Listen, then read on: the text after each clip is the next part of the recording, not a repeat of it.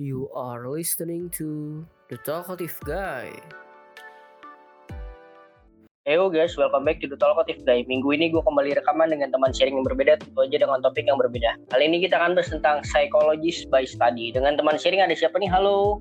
Halo, uh, nama aku Kinan. Aku siswi S1 Psikologi. Aku juga sebagai trainer dan aku juga sebagai desain grafis. Oke Kinan, jadi sebelum aku tanya-tanya tentang kuliahnya, aku pengen tahu dulu nih masa SMA-nya Kinan seperti apa sih IPA, IPS, dan anaknya kompetitif atau gimana gitu pas SMA gitu, boleh cerita? Oh ya, oke. Okay. Jadi uh, dulu ini aku waktu SMA, aku dulu di jurusan IPA. Nah, uh, aku ini bisa dibilang anaknya suka kompetisi gitu ya. Uh. Dari bukan cuma dari SMA, dari kecil pun orang tua aku juga sering ngikutin aku lomba. Dulu aku tuh bener-bener suka banget sama menggambar. Uh. Nah, terus dari kecil orang tua aku tuh sering ngikutin aku lomba. Uh, les juga kayak gitu kan. Nah, uh. terus dari situ akhirnya sampai SMA pun ya aku suka gitu tentang menggambar. Cuma bedanya kan kalau dulu SD SMP itu kan banyak tuh lomba gambar gitu kan. Uh. lomba yang dari tingkat kabupaten terus ke provinsi dan lain-lain gitu kan. Nah ketika di SMA ini udah udah jarang ada lomba-lomba kayak gitu kan. Terus akhirnya uh, aku mendalami tentang osis. Dulu aku masuk osis.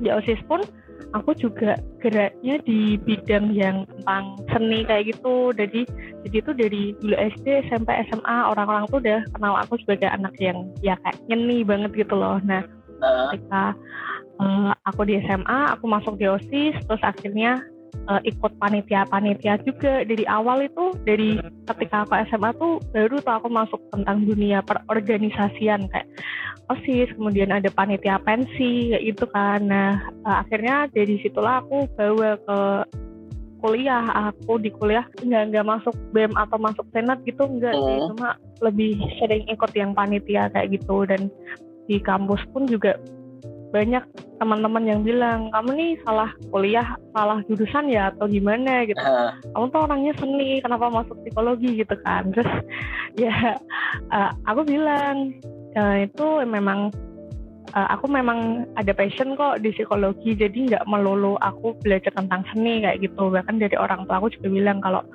uh, nanti seninya dijadiin hobi aja terus ntar kerjanya tentang psikologi. Jadi kan kalau kayak gitu ntar kamu bisa dapat dua-duanya nih. Kamu bisa hmm. bergerak di dua bidang, yang satu di psikologi, yang satu di uh, seni. Nah awalnya tuh aku kayak gimana ya, aku juga pengen tentang seni kayak gitu. Nah terus setelah itu aku waktu dari SMA ke kuliah nih aku daftar daftar kuliah kan. Ke nah. kuliah aku coba yang SBMPTN karena SNMPTN nilaiku nggak sampai gitu kan. Uh. ya udah terus akhirnya daftar SBM yang pilihan kedua tuh desain interior. Kemudian hmm. yang pilihan pertama tuh psikologi. Tetap aku ngikutin kata orang tua aku kan. Cuma aku tetap pengen yang desain interior itu. Dia akhirnya aku ikut ujiannya.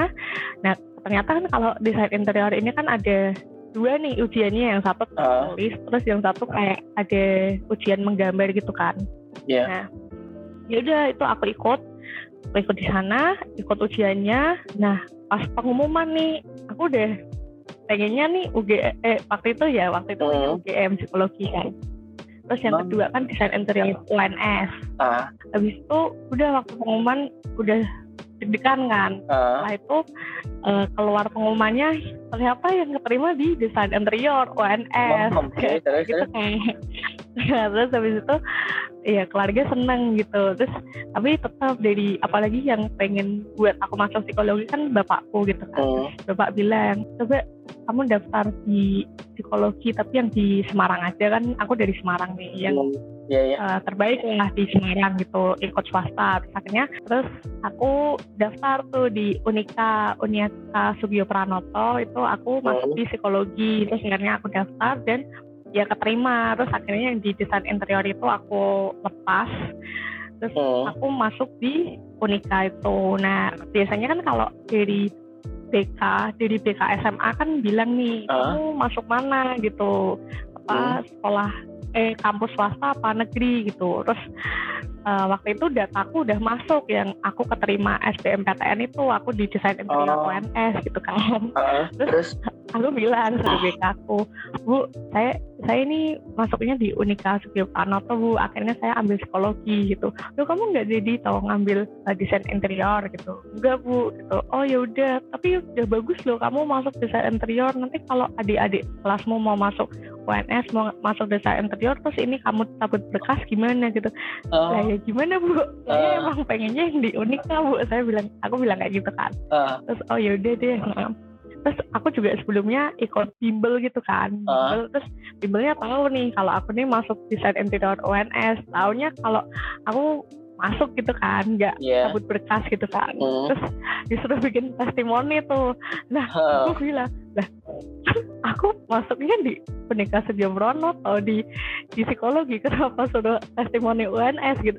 Bilangnya yaudah nggak apa-apa. Yang penting ada testimoninya. Yang penting tuh tahu gitu loh kalau Hmm. kamu tuh pernah Hmm. terima di UNS gitu. Ah iya gitu. Terus ya udah terus akhirnya udah cabut berkas. Terus udah langsung eh, kuliah kuliah di psikologi gitu Oke, ini aku penasaran kalau misalkan flashback ke zaman IPA gitu kan pemilihan IPA. Nah, awal mulanya kayak misalkan jurusan IPA terus punya minat ke psikologi tuh kayak gimana sih awalnya dulu Kinan? sebenarnya ini aku lebih ngikutin dari orang tua sih jadi waktu Hmm, itu oke. waktu awal-awal mm, waktu awal-awal masuk SMA itu orang takut udah bilang udah masuk IPA aja gitu masuk IPA biasanya kan nanti kalau IPA kamu kuliah di mana aja pasti Lebih gampang. tuh, tuh. Hmm. Mm-mm, betul terus eh, setelah itu oke eh, masuk di IPA nah ya sebenarnya banyak eh, pelajaran yang didapat sih kalau di IPA Ah. itu tapi ketika di kuliah kayak itu aplikasinya sedikit gitu loh Iya, kalau iya. yang tentang IPA-nya sendiri ke psikologinya kan paling cuma Ah. Biologi lebih banyaknya ke biologi ada di kalau di psikologi kan ada namanya biologi psikologi Oh. biopsikologi gitu kan nah Oke. Mm, terus ya itu ada yang kepake sih ilmu-ilmunya terus ada juga yang mungkin matematika kali ya karena masuknya Hmm. statistika gitu kan nah terus mm, ketika SMA ini beberapa tuh udah nanya kamu besok kuliah mau ambil apa gitu kan terus waktu itu ngikutin kata orang tua orang tua bilang dia masuk psikologi oke Hmm, psikologi oke. psikologi jadi kalau orang orang nanya mau mau psikologi padahal sebenarnya tahu sih mau psikologi Iya, masih apa, bingung ya. mau Ah. gimana Mm-mm, tapi ya udah jawabnya psikologi aja kalau enggak Oke. aku juga pengen yang desain gitu kan Oke, nah terus setelah masuk ke jurusan psikologi gitu kan menjalani semester-semester awal ini struggle-strugglenya apa aja sih atau sebenarnya malah wah fun nih walaupun kayak ngikutin orang tua gitu tapi ternyata enak nih gitu. Gimana tuh? di awalnya kayak mungkin lebih menyesal kali ya waktu yang Oh, awal-awal tapi bukan bukan menyesal karena masuk di psikologinya itu Hmm. bukan jadi menyesalnya tuh kayak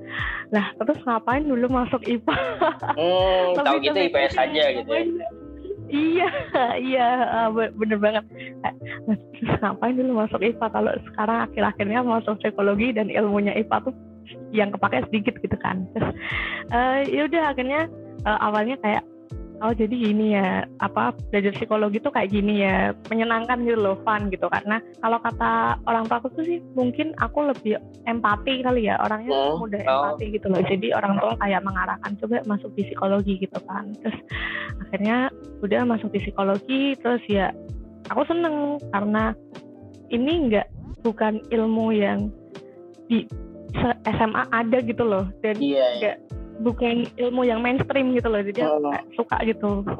Dan di psikologi pun juga belajarnya banyak. Jadi belajar tentang ya penyakit-penyakit jiwa gitulah. Ya, itu yang bikin fun gitu. Terus akhirnya nggak cuma tentang belajar tentang psikologi gitu kan. Karena di kuliah kan juga dituntut tentang soft skill juga kan Hmm.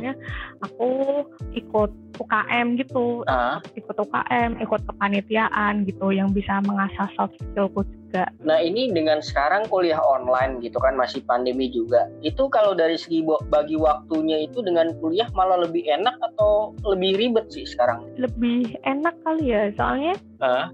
ini kan aku juga di semester akhir ya aku sekarang Hmm. di semester 7 jadi kalau mungkin kalau misalnya aku ada di semester 5 atau aku ada di semester 4, 5, 6 lah sekitar itu mungkin lebih ribet karena yang pasti mata kuliahnya lebih banyak terus iya uh, itu juga lagi aktif-aktifnya kan di semester itu kayak mungkin panitia lah atau uh, kuliah yang lebih banyak prakteknya gitu kan. Jadi sebenarnya di semester ini aku juga banyak prakteknya.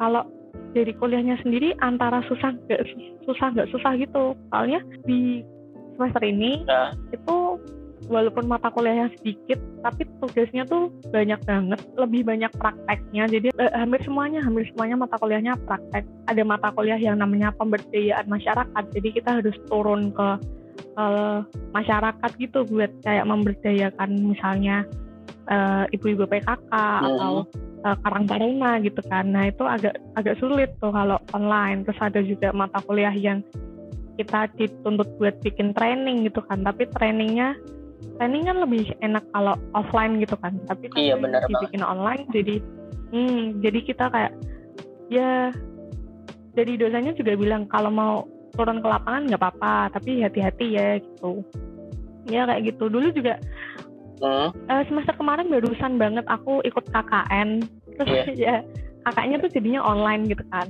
ya itu sih yang agak nggak enak gitu iya ya feel interaksi sosialnya kurang lah ya walaupun online kayak yeah. gitu kan belum sinyal belum apa gitu kan jadi makin lama hmm.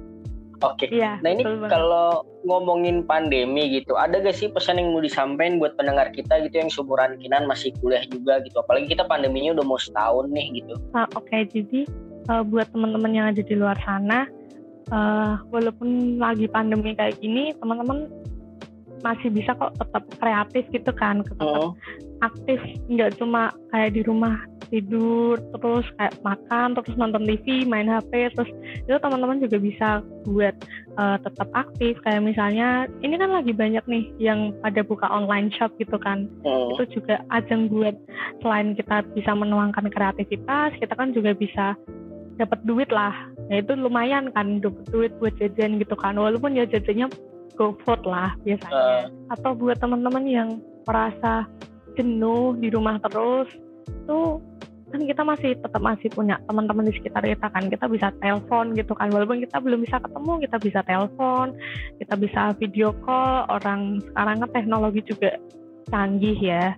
Iya benar. Uh, nggak melulu kita kayak kayak di penjara di rumah terus kan nggak. Apalagi kalau pandemi kayak gini terus mungkin bantuin orang tua di rumah gitu. Yang biasanya ini momen besar sih teman-teman buat teman-teman yang jarang di rumah akhirnya kan teman-teman bakal menghabiskan banyak waktu di rumah lebih banyak uh, quality time sama orang tua sama keluarga uh, lebih mendekatkan diri sama keluarga gitu kan. Benar. Ya itu ini saatnya gitu loh teman-teman. Buat teman-teman yang jarang gitu kan jarang di rumah gitu kan tapi ketika teman-teman uh, merasa jenuh gitu kan bisa telepon teman-temannya gitu karena kalau di psikologi sendiri kan ada oh. tuh yang namanya introvert sama extrovert nah uh, sekilas aja kalau introvert kan buat orang-orang yang merasa lebih dirinya sendiri apa ya self love gitu ya lebih uh.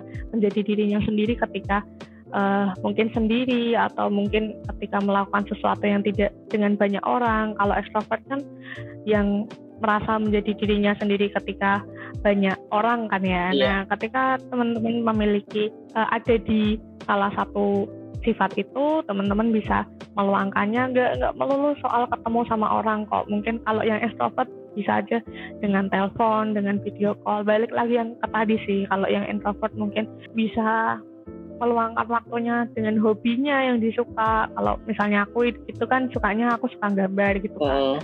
ketika aku suka menggambar ya aku merasa jenuh aku bisa menggambar gitu. Mungkin teman-teman yang lain bisa meluapkan emosinya dengan cara-cara yang berbeda-beda. Tuh tetap semangat teman-teman. Jangan stres di rumah lakukan apa yang teman-teman sukai. Uh, kalau mau keluar ya boleh cuma tetap pakai masker dan jaga jarak sama sering cuci tangan. Itu sih. Benar-benar. Aku juga setuju sih apalagi di poin yang tadi aku menurut aku juga ya apa pandemi ini ya ajang kayak misalkan kita lebih peka sama lingkungan sekitar gitu ya kayak teman-teman kayak mungkin udah lama nggak ketemu gitu kan ya udah telepon aja eh gimana sih kabar? gitu kan nanya sehat apa enggak? Sekarang bukan sekedar formalitas gitu emang bener-bener nanya gimana sehat gak nih? Terus coping with stressnya kayak gimana kayak gitu kan ya. Yes betul betul Ba- banget. ya pokoknya ya kayak misalkan emang orang biasanya udah keluar juga ya nggak masalah lah keluar sebentar asal protokol kesehatannya juga buat nyari udara segar apa kayak gimana juga sebenarnya nggak masalah ya kalau misalkan sekarang ini yang penting kan uh, jelas gitu kan tujuannya ke mana penting apa enggaknya kayak gitu ya Kinan ya. Betul betul banget. Oke, nah kalau misalkan dari Kinan sendiri nih, transformasi kedewasaannya dulu gitu, mungkin SMA dengan yang sekarang kuliah mau lulus kayak gitu tuh, apa sih perubahannya nih? perubahannya banyak sih. Uh, mungkin dulu eh, yang awalnya susah membuat keputusan terus akhirnya sekarang jadi bisa membuat keputusan gitu Ah. Eh, hal simpelnya tuh sih contohnya tuh dulu waktu SMA aku nih orang yang plain plan mungkin ya lebih Hmm. seringnya dibilang plain plan gitu kan terus ketika aku masuk di kuliah ini aku berinteraksi dengan beberapa orang kemudian aku juga ikut UKM gitu UKM yang benar-benar bikin sifat aku berubah sih. Maksudnya berubah ke yang arah positif gitu Ah. ya. Terus diajarkan juga buat gimana cara uh, membuat keputusan. Kemudian aku juga sempat dijadikan kepala divisi kayak gitu. Itu benar-benar bikin aku oh jadi gini ya rasanya kalau jadi ketua jadi orang yang menangani banyak orang gitulah nah, kayak Hmm. gitu. Kemudian nggak cuma tentang pembuatan keputusan kalau mau cerita sedikit ya dulu tuh Boleh. aku SMA orang yang susah buat ngomong ya di depan umum gitu loh aku Hmm. public speakingku tuh jelek gitu loh aku Ah.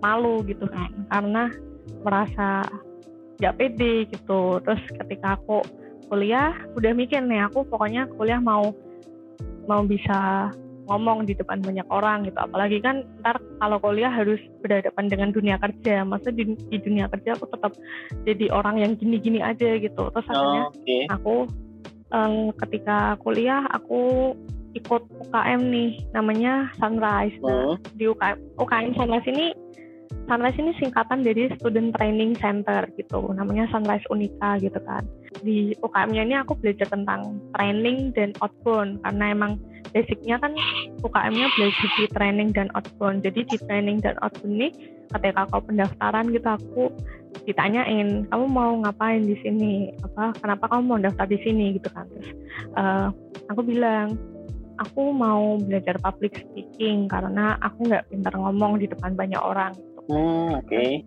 Kamu oke kemudian soft skill yang lain apa? Gitu. Kamu bisa apa? Gitu. Terus aku bilang aku bisa desain aku bisa bikin poster aku bisa pakai Photoshop Corel Draw gitu. Terus aku juga bisa gambar gitu. Terus oke eh, dinamika itu waktu open recruitment kita dinamika ada training juga ada kayak eh, belajar di dalam kelompok gitu berdinamika di dalam kelompok gitu kan. Kemudian ketika pengumuman eh, udah nih udah keluar pengumumannya oke aku keterima. Kayak seneng banget gitu loh ini. Hmm. ini UKM di fakultasku yang bener-bener banyak orang pengen masuk gitu Oh, kan. Terus oke. akhirnya oke mm, aku, aku masuk nih aku udah keterima.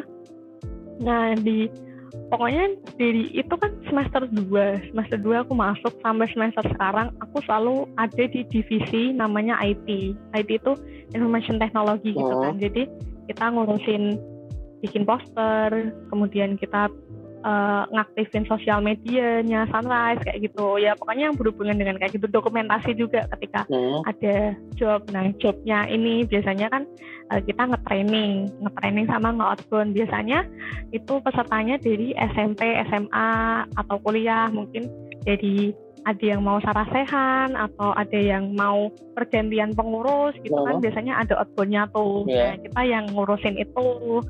Nah ketika aku, aku nih di awal-awal malu mungkin ya malunya tuh karena eh, aku nggak bisa apa-apa nih Nah. tapi teman-temanku udah banyak yang bisa gitu kan terus akhirnya dari teman-temanku di Sunrise juga dari kakak-kakak tingkat yang di Sunrise itu banyak ngajarin kalau "Eh, ayo kok kamu bisa kamu bisa buat public speaking ya diajari dari awal benar-benar gimana cara ngomong di depan orang dan akhirnya jadilah aku yang sekarang ini eh, aku sekarang uh, bisa ngom ngomong di depan banyak orang gitu. Ya grogi pasti. Di awalnya pasti ada grogi tapi hmm.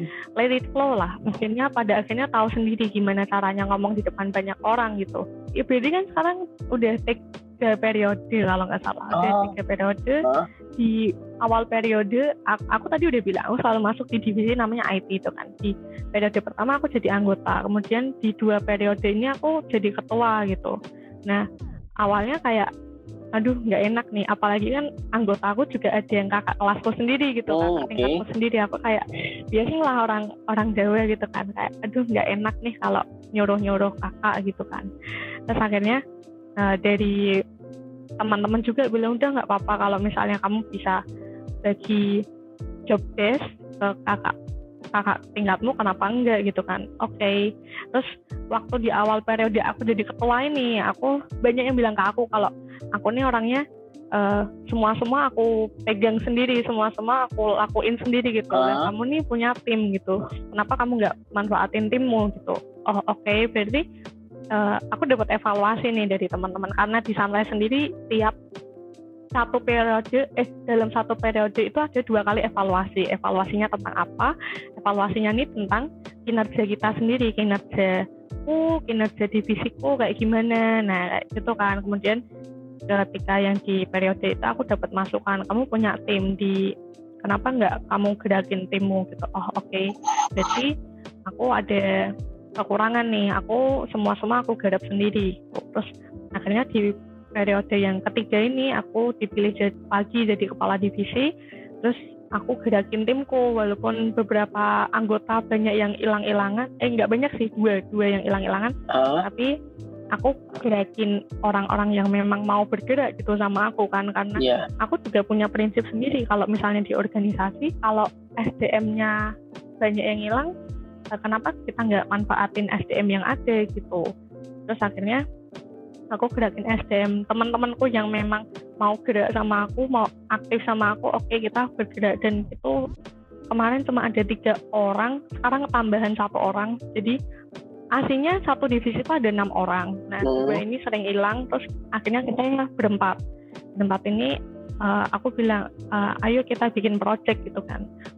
Bikin project, terus akhirnya uh, dari projectnya ini kita sendiri jalan gitu. Uh. Banyak yang apresiasi dari teman-teman anggota Sunrise yang lain gitu. Banyak yang bilang bagus gitu. Akhirnya kita bergerak lagi walaupun di masa pandemi. Biasanya kan kalau training kayak gini kan uh, offline yeah. gitu ya ketemu langsung tapi kalau lagi pandemi kayak gini kan kita juga nggak ada kerjaan gitu kan nggak ada job gitu nggak ada klien masuk terus akhirnya kayak kita asik-asik sendiri aja kita aktifin Instagramnya kita bikin giveaway kita bikin pokoknya kita tetap berinteraksi dengan orang-orang walaupun kita menggunakan sosial media gitu terus akhirnya banyak apresiasi dari teman-teman.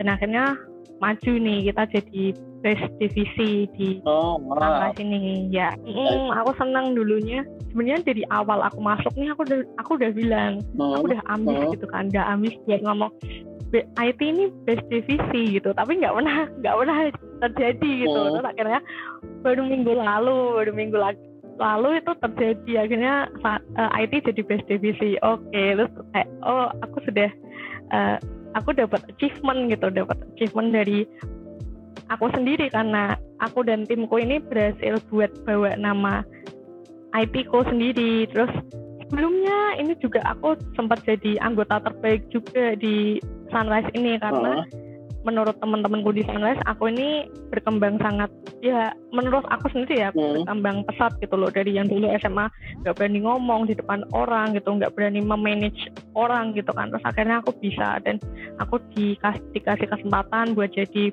best uh, anggota terbaik ya best best ranger namanya best ranger uh -huh. anggota terbaik oh ya itu aku seneng banget sih kayak aku berhasil gitu lah. Aku berhasil upgrade upgrade aku sendiri dari yang dulu SMA nggak bisa kayak gini kayak gini gitu. Terus akhirnya aku bisa gitu. Terus kayak ayah pride sih ada pride-nya sendiri. Bangga banget sama aku sendiri gitu. Kayak lebih banyak self love gitu loh oh.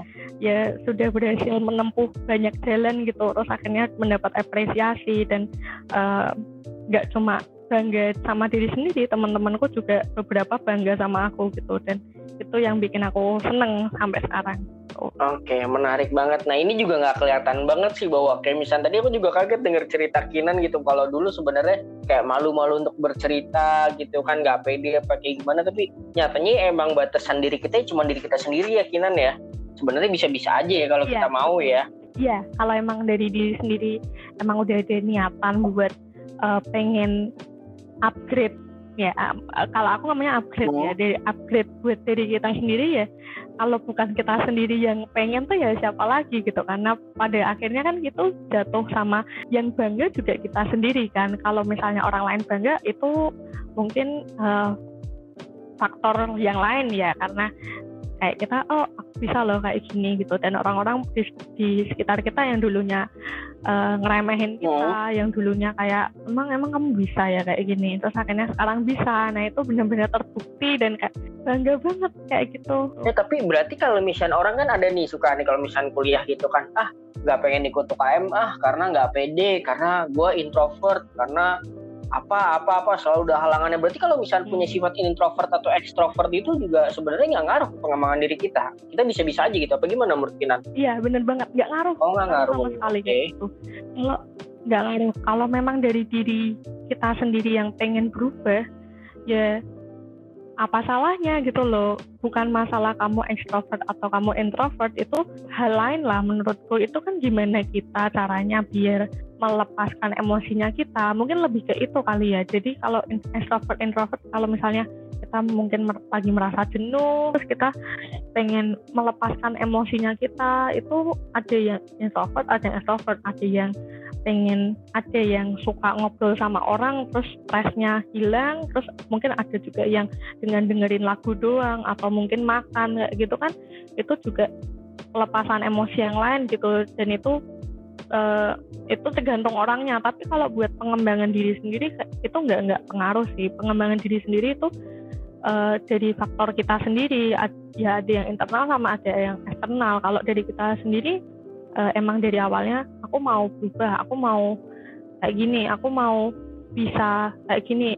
Oh dulu aku nggak bisa kayak gini ya aku pengen kayak gini. Kemudian ada dorongan juga dari eksternal dari orang-orang di sekitar kita kayak ayo dong coba kayak gitu atau mungkin ada juga orang yang uh, ngelihat orang lain hmm. misalnya aku ngelihat Bobi hmm. aku ngelihat Bobi Bobi ini kok uh, bisa ya bikin podcast gitu kok bisa jaringan channelnya banyak kayak gitu terus aku kayak aduh ah, mungkin awalnya minder kali ya kayak aku pengen eh, kok bisa ya orang kayak gitu gitu terus dari situ aku termotivasi kayak hobi aja bisa kayak gini masa aku enggak? Nah dari, dari kayak gitu kan itu sudah memotivasi kita sendiri gitu loh. Kalau uh, oke okay, aku mau upgrade levelku sendiri aku mau upgrade diriku sendiri kayak gitu. Jadi uh, nggak masalah tentang introvert introvertnya. Oke okay, ya orang kan bisa aja kalau misalnya kita diri kita introvert kita pengen jadi public speaker juga bisa-bisa aja ya. Tinggal nanti kalau misalnya emang kita lagi jenuh ya kita nggak usah ketemu banyak orang kita stress release sendiri kayak gitu-gitu ya intinya kan kalau introvert iya. extrovertnya itu ya. Yeah. nah ini kalau ngomongin orang tua sedikit gitu orang tua tuh mendidikinan seperti apa sih dan pesan apa yang paling diingat? Kan tadi kan cerita kalau misalkan IPA psikologi kayak gitu-gitu kan ada pengaruh dari orang tua nih gitu. Uh, jadi kalau orang tua nih orang tuaku mungkin lebih sebenarnya keras hmm. ya. Uh, maksudnya kalau misalnya ya keras tapi iya kita tahu sendiri lah orang tua tuh keras ke kita tapi karena saya. Iya benar.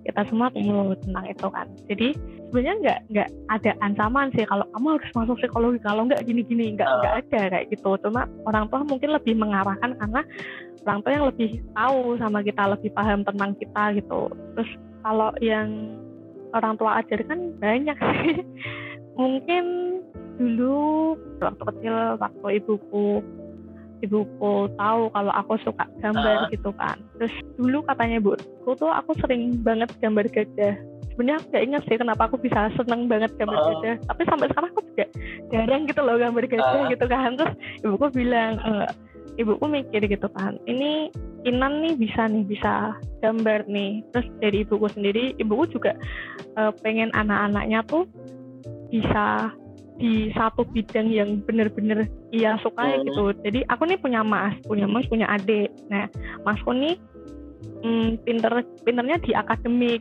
uh, sering ikut ada lomba bahasa Inggris juga, terus jadi uh, ranking satu ya lebih sering ranking satu gitu kan. Terus sekarang masku juga ya gitulah pinternya tuh bener-bener pinter banget gitu Hmm. loh. Terus sekarang uh, dia juga lagi S2 di Arab Saudi gitu kan. Terus dia juga berencana buat S3 gitu. Wow. dia kayak wah gila pinter banget nih ini orang gitu. Karena ya kakakku sendiri gitu.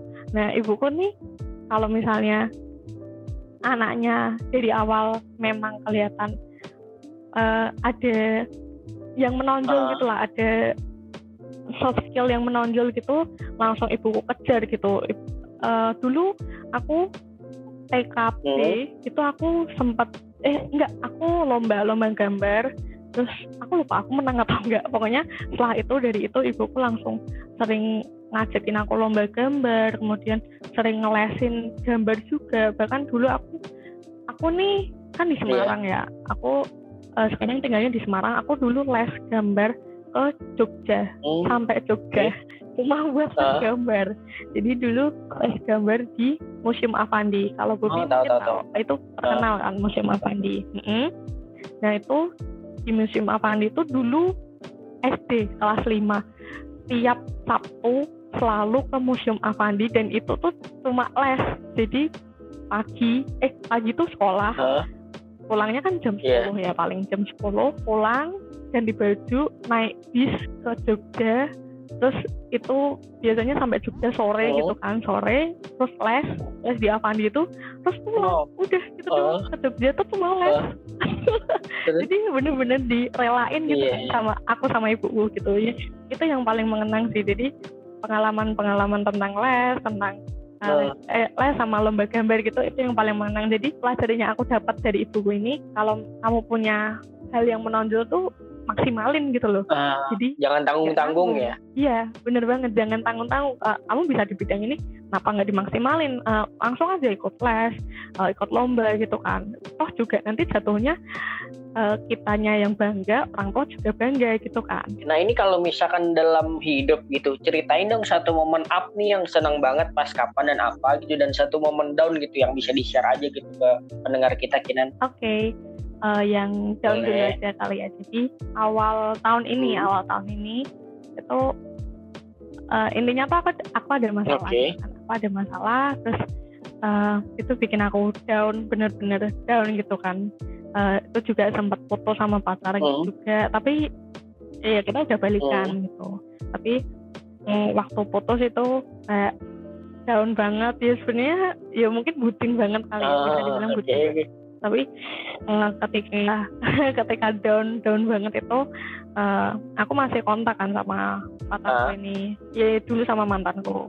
Terus bener-bener down terus mudah insecure gitu kan mudah overthinking mudah insecure gitu kan. Inse- insecure-nya karena merasa dirinya nggak berharga gitu loh. Kayak aku nih kok ya aku nih kok ngeselin banget ya Hmm. gitu. Kok aku bisa sih kayak gini gitu. Terus eh, dapat penguatan dari sahabatku juga dari mantan pacarku juga gitu. Kayak kamu nih nggak nggak sengeselin itu. Kamu bisa udah deh daripada kamu mikirin hal-hal yang kayak gitu mending kamu mikirin tentang gambarmu atau kamu mikirin tentang kuliahku terus tentang kuliahmu gitu kan. Daripada kamu buang-buang tenaga buang-buang waktu juga buat mikirin hal-hal yang nggak penting gitu. Terus ya aku mikir-mikir juga gitu Eh, iya sih bener juga. Tapi daun banget Iya. bener-bener daun sedaun-daunnya gitu kayak udah bener-bener apa aku bener-bener ngerasa nggak berharga gitu loh. Aku ngerasa nggak worth it buat orang-orang di sekitar aku Hmm. gitu kan. Terus akhirnya dapat penguatan terus eh, sahabat-sahabatku juga bilang udahlah apa nggak usah dipikirin gitu. Fokus sama hal yang di depanmu. Ah. oke terus akhirnya eh, aku bangkit lagi aku eh, coba ngelakuin hal-hal yang aku sukai apa kayak gambar gitu kan. Ya contohnya kayak gambar terus kayak ikut eh, yang training juga Ah. ikut sunrise gitu ikut job. Kan kita biasanya bilangnya Hmm. job gitu kan ikut job training job outbound gitu. Oke gitu. Tapi tetap terbayang-bayang nih masih kepikiran gitu loh masalah-masalah yang kemarin gitu. Terus akhirnya sempat juga cerita kan sama orang tua. Cuma ya nggak detail Hmm. gitu cuma cerita kalau lagi sedih gitu terus makanya orang tua udah lah nggak usah dipikirin gitu. oke okay, saya nggak usah dipikirin ya bangkit lagi dan ternyata pacarku ini juga bilang kalau ayo berkembang bareng-bareng aku rasa ini sudah step buat kita Hmm. sama-sama maju gitu walaupun bidangku sama bidangnya pacarku ini agak Ah, beda oke. gitu kalau pacarku ini kan lebih ke sosialis Ah. gitu loh. Orangnya tuh humanis gitu. Dia suka bantu orang gitu kan. Nah kalau aku kan lebih ke mungkin seni kali ya lebih ke seni gitu. Terus ya kita jalan bareng-bareng gitu kan. Terus akhirnya ya itu apa balikan Mhm. gitu kan. Ya apa lebih eh, bangkitnya lagi tuh mungkin karena balikannya gitu loh. Terus akhirnya kita balikan terus ya apa bangkit lagi terus maju lagi akhirnya ya bisa sampai sekarang. Eh, dulu waktu pandemi ini Ah. eh, pandemi itu bener-bener aduh ngapain ya? Karena gimana ya orangnya tuh nggak bisa diem di Hmm, rumah gitu loh. Karena aku tuh pengen kegiatan terus pengen kegiatan walaupun aku tuh juga bingung ya. Aku tuh sebenarnya introvert apa Hmm. extrovert gitu loh. Tapi eh, aku nih pengen kegiatan gitu loh berkegiatan nggak yang melulu di rumah kayak liatin laptop terus gitu kayak ya kayak aku stres sendiri gitu loh kalau Hmm. malah lihat laptop terus walaupun eh jadi satu saat aku perlu melihat laptop gitu loh perlu apa aku harus garap apa apalagi kan aku juga tentang eh, desain Iya. grafis kan aku juga harus berhadapan sama laptop Corel Photoshop dan lain-lain gitu cuma ada di satu fase aku bener-bener pengen berkegiatan. Waktu pandemi kayak gini aku ah, ngapain ya ngapain ya? Jadi tiga tiga bulan awal ketika pandemi ini nggak ngapa-ngapain gitu. Cuma ya kuliah itu aja kuliahnya juga setelah itu libur gitu nggak tahu mau ngapain. Terus akhirnya bikin masker tuh aku belajar bikin masker Oh. gitu kan. Aku selama pandemi dapat hobi baru aku bisa menyulam. Terus aku menyulam gitu dapat hobi baru menyulam. Terus aku bikin masker dan ya alhamdulillahnya banyak yang suka gitu. Terus aku jual oke terus aku mikir oke habis ini ngapain lagi ya? Terus eh, nggak tahu kenapa tuh dapat yang menyenangkan ini. Beberapa bulan kemarin aku diajak buat ikut pameran pameran Oh, lukis oke. gitu. Sebelumnya aku udah pernah aku udah pernah ikut pameran lukisan tapi itu di tempat lesco yang di Avandi Hmm. itu. Eh, sebelumnya yang di pamerannya itu aku ketemu sama anaknya Avandi namanya Mami Kartika Avandi. Itu menyenangkan jadi kita selain pameran kita juga diajak buat ngelukis bareng sama Mami Kartika Avandi. Kayak bayangin eh, kamu kayak satu frame sama orang yang paling terkenal karena lukisannya. Terus kayak ada pride Hmm, sendiri kan benar. pasti bangga kan kayak gitu nih kita ini benar-benar bangga banget kayak gitu. Terus itu pameran pertamaku terus akhirnya di pameran yang kedua ini aku diajak sama fakultas arsitektur dan desainnya Unika buat ikut pameran eh, submit karya gitu. Oke eh, oke aku mau sub- submit karya karena aku juga pengen nih ikut pameran gitu. Terus akhirnya aku ikut pameran aku kasih karyaku terus akhirnya banyak yang bangga juga. Bahkan teman-temanku lah kamu nih kamu nih lebih nyeni ya daripada anak uh, fakultas arsitektur dan desain Oh. FAD gitu daripada anak Oh. FAD gitu. Terus kayak aduh malu banget. Maksudnya bahkan sampai teman-teman bilang kayak gitu gitu loh. Uh, ya emang banyak yang bilang kamu ini salah jurusan. Enggak enggak. Emang aku suka di eh, emang aku suka di psikologi cuma aku juga bergerak di bidang seni juga gitu kan. Terus eh, banyak yang bilang "Eh, kamu nih keren ya bisa kayak gini kayak gini gitu terus ya ya seneng pastilah ada pride-nya gitu terus akhirnya setelah ikut Hmm. pameran terus oke ngapain lagi nih habis ini gitu dan nggak tahu kenapa tuh kayaknya Allah tuh ngasih jalan terus Hmm. gitu loh kayak oke kok banyak jalan mulus nih kayak ya bersyukur cuma heran Hmm. juga kok banyak banget gitu terus akhirnya eh, diajak eh, buat jadi pembicara juga di acaranya Hmm. sekolah gitu kan. Ada salah satu dulu klienku terus sekarang dia udah SMA terus minta tolong sama aku buat "Eh, kak ayo jad- aku ajak buat jadi pembicara ya gitu. Oh oke apa bahas tentang apa? gitu. Bahas tentang stres di selama Ah. pandemi. Oh ya siap. Oke aku mau bikin ma- eh oke ya materinya tentang itu ya. Terus akhirnya aku bikin materi itu pun dibantu pacarku eh, bikin materi jadi simulasi juga Eh, aku sama pacarku sempat Ah. simulasi kayak gitu simulasi buat materinya walaupun online kayak gitu tapi kan eh, aku merasa Ya, harus prepare seneng lah gitu ya. Aku bisa eh, membagikan Mm-mm, harus prepare karena ya kalau nggak prepare pasti nanti atau gitu kan karena aku mungkin lebih ke yang bukan perfeksionis sih sebenarnya Bertanggung jawab lah ya. mengurangi kejadian yang tidak diinginkan. Nah, ya betul banget. Eh, daripada nanti ada yang Eh, kurang gitu, mending Iya, iya. dipersiapkan gitu. Terus akhirnya udah eh, dari teman-teman, teman-teman belum ada yang tahu tuh, yang tahu cuma baru pacar gitu kan sama Hmm. keluarga gitu. Terus ketika udah mau hari H kan udah ada posternya Hmm. tuh. Nah, pacarku nih bikin story gitu semangat ya gitu. Terus teman-teman tahu loh kamu jadi pembicara atau gini gini gini gitu. Iya eh, aku emang nggak cerita gitu. Soalnya nanti kalau mungkin kalau aku cerita aku grogi gitu kan. Terus akhirnya teman-teman ya semangat ya semangat gitu. Oke thank you thank you gitu. Terus akhirnya ketika hari H ngobrol ngomong sama teman-teman juga eh, jadi pembicara juga terus akhirnya berjalan dengan lancar ya walaupun audiensnya SMA tapi hmm. seneng lah bisa bagi ilmu gitu kan dan dapat kesempatan juga buat jadi podcast Hmm. di sini itu benar-benar seneng banget aku yang gitu makasih nih, Mbak. Iya eh, oke ya banyak banyak banget ya jalannya gitu jadi tetap produktif selama pandemi itu yang bikin aku seneng ah, Oke, gitu. nah ini kalau ngomongin daunnya tadi, kalau misalkan Kinan itu tipenya kalau lagi down itu emang harus sedih-sedih dulu gitu, kayak menikmati kesedihannya atau emang kayak perlu banget support system nih supaya bangkitnya cepet gitu.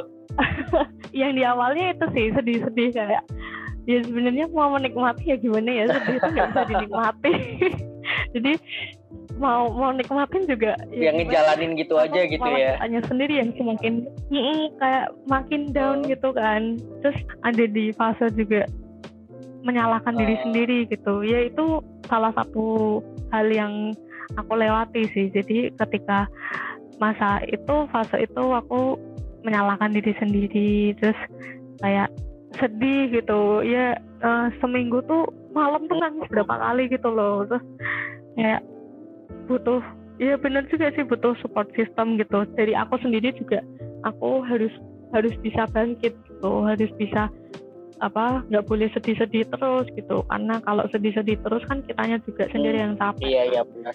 nggak enak gitu loh kalau yang sedih-sedih terus gitu Iya. kan akhirnya tanya sama sahabat gitu karena aku orangnya temenan sih temenan Ah. sama semua orang cuma kalau sahabat kan ya Iya, makin kecil lah circle-nya. ya betul banget apalagi udah Oh. kuliah ini kayak wah yang penting relasi Iya. baik lah tapi kalau sahabat jangan sampai hilang ya kayak gitu terus makanya aku cerita sama sahabat-sahabatku enaknya eh baiknya gimana gitu terus itu banyak yang bilang ya nggak usah dipikirin gitu Eh ya beberapa ngasih solusi tapi intinya jangan terlalu dipikirkan gitu terus ya tetap Hmm. butuh support sih kalau dari teman-teman sekitar sama dari kita Hmm. sendiri kan buat ayolah jangan jangan sedih-sedih terus gitu kasihan badanmu juga Benar. kasihan fisik sama psikismu gitu terus akhirnya ya itu motivasi awalnya dari teman-teman sih dari teman-teman yang buat nggak usah dipikirin gitu terus akhirnya masuk ke internalku sendiri oke nggak usah dipikirin terus akhirnya gerak lagi Oke, iya aku pengen ngasih tahu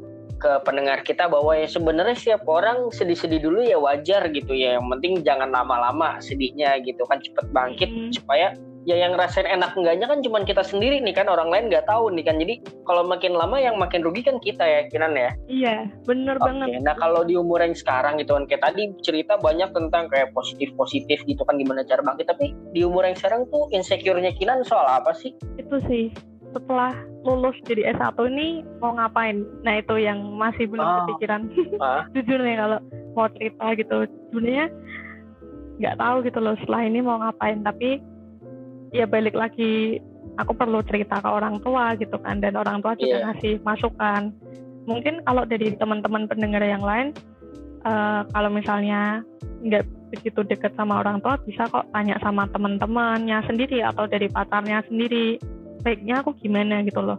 Setelah dari obrolan-obrolan itu dipikirkan lagi dimatangkan lagi setelah ini mau ngapain gitu. Jadi tetap masukan dari orang tua dan teman-teman yang lain tuh dibutuhkan gitu loh. Jangan semata-mata kita dari kita sendiri gitu loh karena kita kan belum tahu ya kayak eh, masa kerja itu gimana setelah lulus dari S1 tuh bakal kayak gimana. Nah coba cari pengetahuan gitu lah cari Iya. cari tahu dulu dari orang-orang yang sudah pernah ada di fase kayak gitu tuh baiknya kayak gimana? Itu perlu sih menurutku. Dan akhirnya kita jadi tahu setelah ini tuh kita mau ngapain gitu. Karena aku itu sempat Hah? tanya sama orang tua juga sama teman-temanku juga sama sahabat dan pacar gitu. Terus bilang kalau coba kamu setelah ini daftar kuliah gitu atau enggak coba setelah ini kamu daftar kerja gitu. Jadi aku sudah paling enggak kita tuh sudah tahu uh, plan A Benar. plan B-nya gitu loh Iya. perlu juga gitu loh buat menyiapkan plan A dan plan B dan plan C sampai sekian gitu. Karena kita belum tahu ke depannya kayak gimana. Kecuali kalau teman-teman udah jelas gitu loh setelah ini mau ke mana gitu. Itu sih insecure yang paling momok gitu ya. Jadi momok aku gitu. Iya. habis ini mau ngapain gitu. Karena jujur bingung. Sebagai tambahannya itu tadi sebanyak apa pun informasi yang kamu dapat tetap keputusannya ada di kamu dan bertanggung jawab gitu ya. Jangan sampai dikit-dikit nyesel dikit-dikit mut-mutan gitu. Jangan Hmm. kayak gitu ya. Ini kan buat pendengar kita yang Iya. mengalami mungkin insecure hal yang sama gitu kan soal real life nanti setelah kuliah kayak gimana gitu. Nah kalau ngomongin soal tadi kan cerita jadi trainer gitu kan. Sebenarnya kalau misalnya jadi trainer itu case yang cukup sulit ditemukan itu soal apa sih? Biasanya leadership kah? Communication atau apa nih? Kalau dari pengalaman Kinan Oke, Hah? good question kalau ini. Jadi ketika menjadi trainer, menurutku yang paling sulit nih ketika ngomong di depan banyak orang sama menghandle Oke. orang-orang. Itu yang menurutku paling sulit. Karena emang dari awal kan aku kesulitan ya di bagian itu. Bahkan sampai sekarang pun aku Hmm. masih belajar gitu. Nggak, nggak, aku ini belum perfect gitu buat hal-hal kayak gitu. Jadi kita semua, eh, aku dan teman-temanku di sana ini masih belajar semua. Jadi ketika misalnya nih aku training ya, aku jadi trainer, terus aku mau bawain materi Nah. pasti grogi tuh kayak grogi eh, udah dingin semua kan tangannya kayak gitu terus eh, akhirnya dari aku sendiri kayak tenang tenang tenang teman-teman juga Hmm. udah tenang aja Kinan tenang aja gitu oke terus akhirnya waktu di di depan panggung ketika ngomong di depan banyak orang gitu.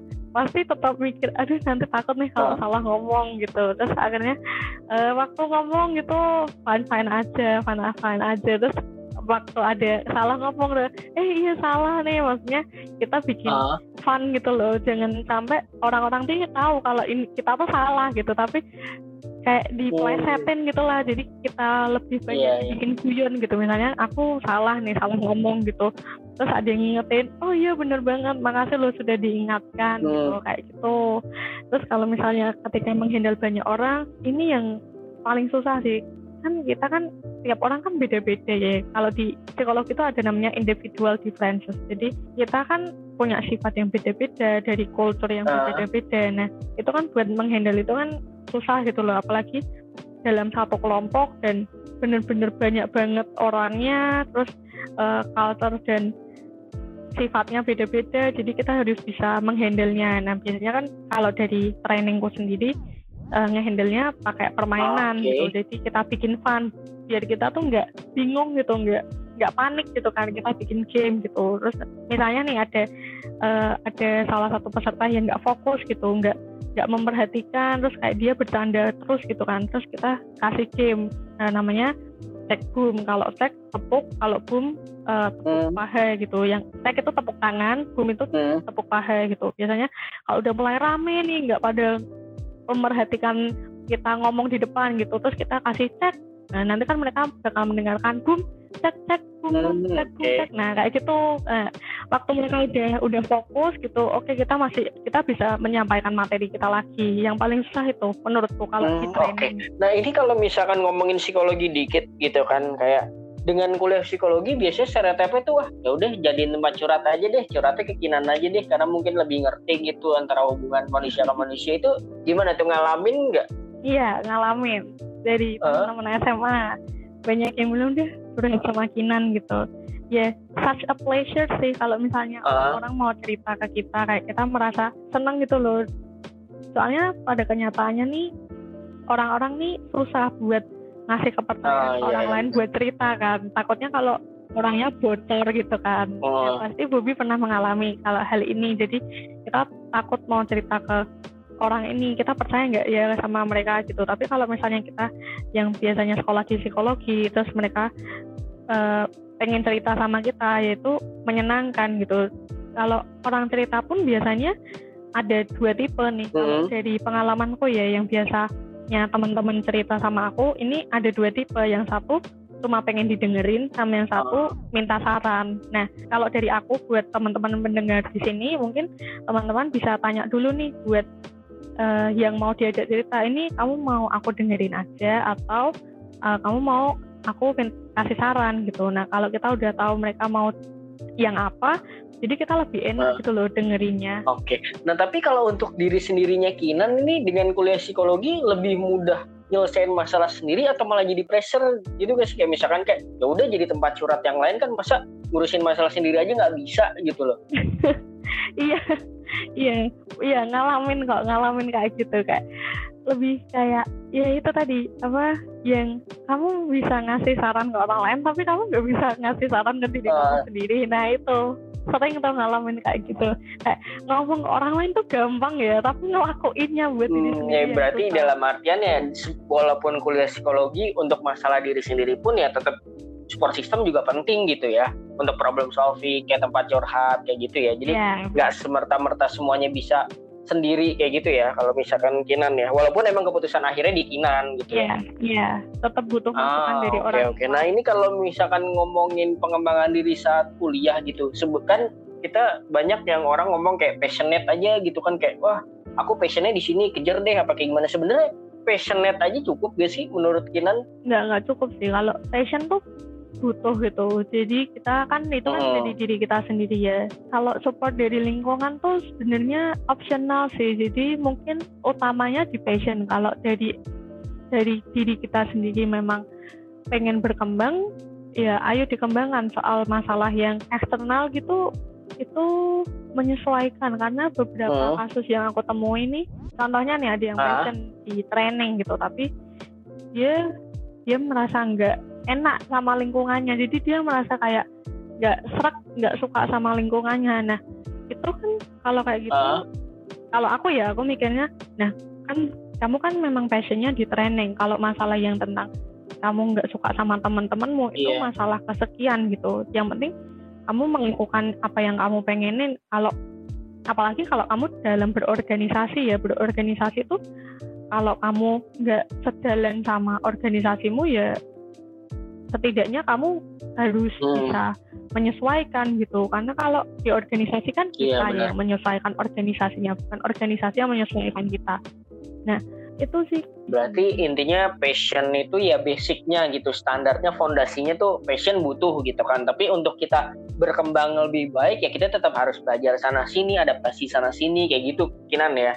Nggak, jadi nggak cuman satu fondasi Iya, doang gitu, iya, nggak iya. cuman passion doang gitu yang kita butuhin ya. Walaupun itu emang penting gitu ya. Oke, nah kalau Iya, ngomongin iya, mental health gini kan cerita nih di line gitu. Kalau misalkan sharing mau sharing soal mental health, emang apa sih yang terjadi di umur-umuran kinan gitu atau sekelilingnya kinan atau pengalaman sendiri? menarik. Ah. jadi kalau tentang mental health ini yang aku alami dan lingkunganku yang alami ini biasanya pada stres ya stres apalagi Oke. masa pandemi kayak gini Eh, orang-orang jadi ada yang merasa terpenjara di rumah terus yang biasanya kegiatan di luar setiap hari di luar terus jadi eh, sekarang di rumah terus itu pasti stres buat ngurangin stresnya itu kan Hmm, bisa yang dibahas di tadi awal. yang kita Ah. Obrolin di awal itu tentang penyaluran emosi itu kan. Itu bisa dari apa yang teman-teman sukai. Atau kalau misalnya teman-teman merasa kurang bisa juga melakukan terapi. Jadi aku nih belajar ada terapi namanya terapi pernafasan. Teman-teman bisa searching aja di Google itu Hmm. paling mudah. Terapi itu paling mudah dan itu Hmm. worth to try gitu loh. Banyak banyak teman-temanku yang merasa ketika dia eh, stres gitu ketika eh, pelampiasan emosinya kurang eh, Iya. kayak kurang nendang gitu terus akhirnya teman-teman ini ada pakai terapi salah satunya terapi pernafasan ini dan itu bisa dilakukan di mana aja oleh siapa saja dan itu worth to try gitu. terus kalau yang di masa sekarang juga ya ini udah masuk umur 21 biasanya yang lagi ngetren di umur 20-an kan Ah, iya quarter life crisis itu kan. Nah, itu sebenarnya kalau selama kita menjalani hidup tuh ya udah ada gitu loh. Life life crisis tuh udah ada. Cuma menurutku uh, ya karena Hmm. umur 20-an ya uh, fasenya udah beda gitu ya. Kita kuliah terus setelah kuliah kita harus bisa berhadapan dengan dunia nyata. Itu kan yang paling susah ya. Jadi aku belum belum mengalami itu sih. Belum mengalami yang perpindahan fase dari yang kuliah ke kerja tuh aku belum cuma mungkin saran buat teman-teman ya dijalani aja jangan jangan banyak mengeluh Hmm. gitu loh ya mengeluh tuh boleh gitu cuma jangan berterus-terus gitu loh jangan terus-terusan nggak baik soalnya kalau ngeluh terus-terusan ya teman-teman ngeluh terus setelah itu cari solusinya Hmm. setelah ini Yang penting punya plan ya. Mm-mm, yang penting punya plan tahu kalau kita salah ya kita kita harus mengakui kalau kita salah terus habis itu oke cari solusi dengan melulu di Ah. kesedihan gitu soal mental health gitu kan biasanya ada beberapa anak muda nih yang emang stres atau kayak misalnya banyak pikiran karena nggak mau ngerepotin temen ya ah pengen cerita ke temen tapi kan takut nih karena dia juga punya masalahnya sendiri gitu nah kalau misalkan dari opininya Kinan kayak gimana nih Hmm, oke menarik. Konteksnya macam-macam ya. Mungkin ada yang pengen cuma didengerin atau pengen minta saran gitu. Tapi kalau misalnya teman-teman yang pengen didengerin aja atau pengen melampiaskan aja, pengen aku nih hari ini kayak gini loh atau aku lagi ada masalah nih kayak gini lah. Ketika teman- teman-teman merasa takut buat cerita ke orang lain, takut eh, gangguin atau takut apa gitu, itu bisa juga dilampiaskan dengan hal yang lain eh, mungkin menulis gitu kan menulis kan eh, sama gitu ya atau mungkin teman-teman eh, bisa record Oh. audio gitu Eh, kalau teman-teman konteksnya cuma Iya. pengen didengarkan gitu ya cuma pengen melampiaskan gitu loh nah tapi kalau misalnya teman-teman pengen minta saran itu gak ada salahnya kok kan teman-teman aku yakin teman-teman punya sahabat gitu loh apalagi sahabat terdekat nggak ya mungkin nggak sahabat atau orang tua gitu dia bisa cerita gitu sama mereka gitu kalau orang tua kan kalau menurut aku Iya. pasti mau mendengarkan ya Eh, kalau misalnya sahabat sahabat terdekat yang benar-benar paling dekat ya dia udah tahu gitu loh kita tuh orangnya kayak gimana gitu. Itu oke sih kalau mau cerita ke cerita ke teman terdekat yang ya Mm-mm. mungkin kayak insecure ya insecure kayak aduh mau cerita tapi takut nih gitu. Ya dikurangin insecure-nya dengan cara eh, aku nih juga butuh pertolongan gitu. Aku butuh eh, teman teman cerita gitu. Jadi nggak melulu kita kayak selalu insecure gitu itu juga nggak enak sih. Aku pernah juga ada di fase kayak gitu. Terus eh, teman-teman kayak bilang apa sih? Apa? Udahlah Mm-mm. apa biasa aja gitu loh. Kan kita juga temen kan. Kita juga, kan kita juga udah saling mengerti gitu. Kenapa kamu masih merasa nggak enak gitu? Beberapa sahabat tuh bilang kayak gitu. Jadi nggak nggak usah nggak usah nggak enakan lah. Kita udah tahu Benar-benar aku setuju. Benar. dan kalau misalkan emang kita punya lingkungan yang toksik, misalkan nggak ada jalan lain, ya nggak masalah gitu. Kita ke kayak misalkan yang profesional ya tenaga-tenaga profesional yang emang bisa ngedengerin atau ngasih saran gitu. Itu sebenarnya ya Hmm. tabu itu ya karena emang nggak terbiasa aja mungkin bukan sesuatu hal yang negatif kayak gitu kan malah bagus ya. Kita punya kita tahu tempatnya kayak gimana kayak gitu kan ya Kinan ya? Iya, kalau teman-teman merasa pengen yang bantuan profesional itu boleh banget ke psikolog karena orang yang pergi ke psikolog Iya, jangan bilang kayak eh itu gila ya lo kayak gimana gitu. Lah itu tuh ayolah kita tuh udah udah tahun segini mau sampai kapan bilang ke psikolog nih gila gitu. Padahal kesehatan mental kan juga penting gitu buat kita sendiri nggak cuma kesehatan psikis. Eh, coba deh dinormalisasikan tentang bagaimana kita ke psikolog bagaimana kita cerita ke psikolog karena ya penting gitu sama Iya, pentingnya kayak pergi ke Dan- dokter biasa. Dan kalau misalkan ngomongin mental health, satu lagi nih aku pengen nanya gitu. Kalau misalkan kan beberapa anak muda ada yang suka self diagnose gitu, kayak misalkan stres, depresi, kayak gimana itu emang sebenarnya emang karena udah kenal diri sendiri atau kayak gimana sih opininya Kinan nih? Ada beberapa nggak semuanya memang. ini menarik banget nih ini perlu Hmm.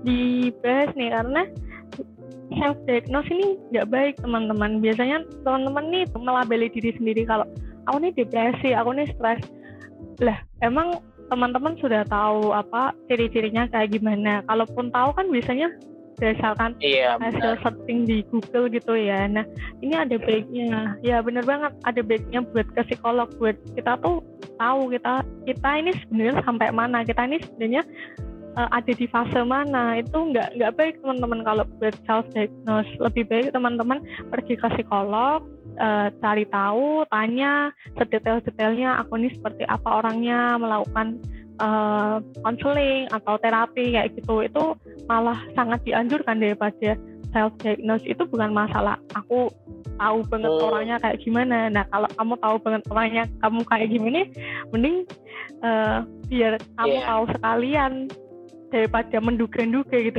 Kalau kalau yeah. self diagnose kan kita menduga-duga ya, berarti kita orangnya kayak gini, kita orangnya kayak gini.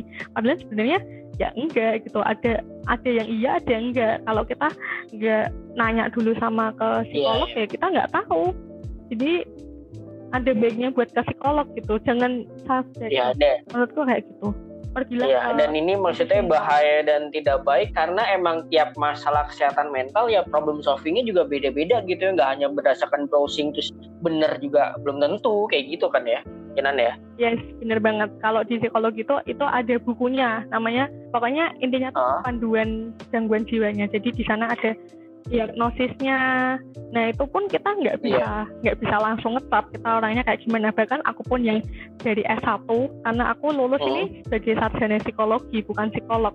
Harus ngambil S2 lagi kalau mau ngetap. Kamu ini orangnya kayak gimana? Kamu ini sedang mengalami apa? Kayak gitu. Itu baru S2 jadi uh, bahkan teman-teman yang teman-temanku di S1 psikologi pun nggak berani ngetap kita tahu orangnya kayak gimana. Yeah kayak gitu gitu loh tapi orang awam kok bisa udah tahu oh aku orangnya kayak gini gitu. Hmm. menurutku nggak make sense sih. Kegunaan sosial media terutama Instagram buat Kinan apa sih? Dan pengaruh besar ke kehidupan Kinan nggak? Iya pengaruh. Kalau aku sosial media Instagramku aku gunakan buat self branding buat nge-branding aku ini salah hmm. satu mahasiswa psikologi dan aku juga bergerak di desain di bidang seni gitu. Jadi kalau aku buat self branding pengaruhnya apa? uh, aku jadi dapat relasi relasiku banyak gitu ada yang dari kalangan psikologi ada yang dari kalangan seni itu tapi kalau yang pengaruh negatifnya ya kalau negatifnya aku merasa lebih kadang insecure kalau oh. mau apa ya posting gitu kan kalau mau bikin story ngeliatin muka gitu kayak nanti mikir yang aneh-aneh. Ini orang-orang pada mikir nggak ya kok suka hmm. banget sih kayak spam banget sih. Nah itu itu yang yeah. lebih sering kepikiran. Ini kalau ngomongin yang terakhir nih aku pengen nanya kan setelah yeah. nanti tiga tahun ke depan itu pengen ngapain aja sih? Kan udah lulus nih berarti. Nah ini pengen kerja dulu kerja apakah? Atau pengen berkarya apakah gitu rencana-rencana ikinan? Yang pertama hmm. kerja. Yang pasti pengen kerja. Terus kalau misalnya lagi pandemi kayak gini kan masih mikir juga ya kerja tuh yeah. orang banyak yang di PHK gitu syukur-syukur kalau bisa keterima kalau kalau enggak kan oh. ya masa mau nganggur gitu kan akhirnya uh, kalaupun nganggur mungkin nanti mau mm. lanjut lagi sekolahnya kalau lanjut lagi mungkin pengen ke art terapi jadi uh? kemarin sempat ikut webinar gitu kan tentang art terapi terus tertarik gitu apa sih? skripsiku juga itu apa Kinan? arahin ke art terapi art terapi ini terapi seni terapi seni itu bisa dalam gambar oh. atau musik atau membuat kerajinan kayak gitu tapi membuat kerajinan ya membuat kerajinan gambar dan lain-lain hmm, oke okay. menyalurkannya lewat media seni gitu ya. jadi, ya padahal itu lagi terapi itu ya iya bener banget jadi aku pengen bergerak di amin, psikologi amin. dan seninya tuh bareng gitu loh terus kepikiran juga kalau misalnya S2 terus kan misalnya nanti lulus nah pengen buka juga tuh tentang apa art oh, terapi. Sebelum ya, kita bener. udahan, promote dulu dong Instagramnya kita gitu siapa tahu ada yang mau tahu lebih lanjut. Oh ya, oke okay. buat teman-teman yang mau kepoin aku bisa follow Instagramku di Indi oh. Inde Kinan. Harus pelan-pelan nih. Indi, ah. Dinda, Kinan. Nah, di situ. Thank you banget nih ya Kinan buat ngobrol-ngobrol nih. Kita udah sejaman lebih nih kan ngobrol-ngobrolnya menarik banget nih sekarang gitu. Ya. Jadi semoga sukses selalu okay. dan kayak misalkan kita bisa kolaborasi dengan konten-konten positif lainnya lah ya ke depannya. Semoga. Oke, okay, amin. Ya, sama-sama. Jadi thank you guys yang udah dengerin episode kali ini. Sampai ketemu minggu depan. Bye-bye. Don't forget to follow us on YouTube, Spotify, and Instagram at the Talkative Guy underscore ID.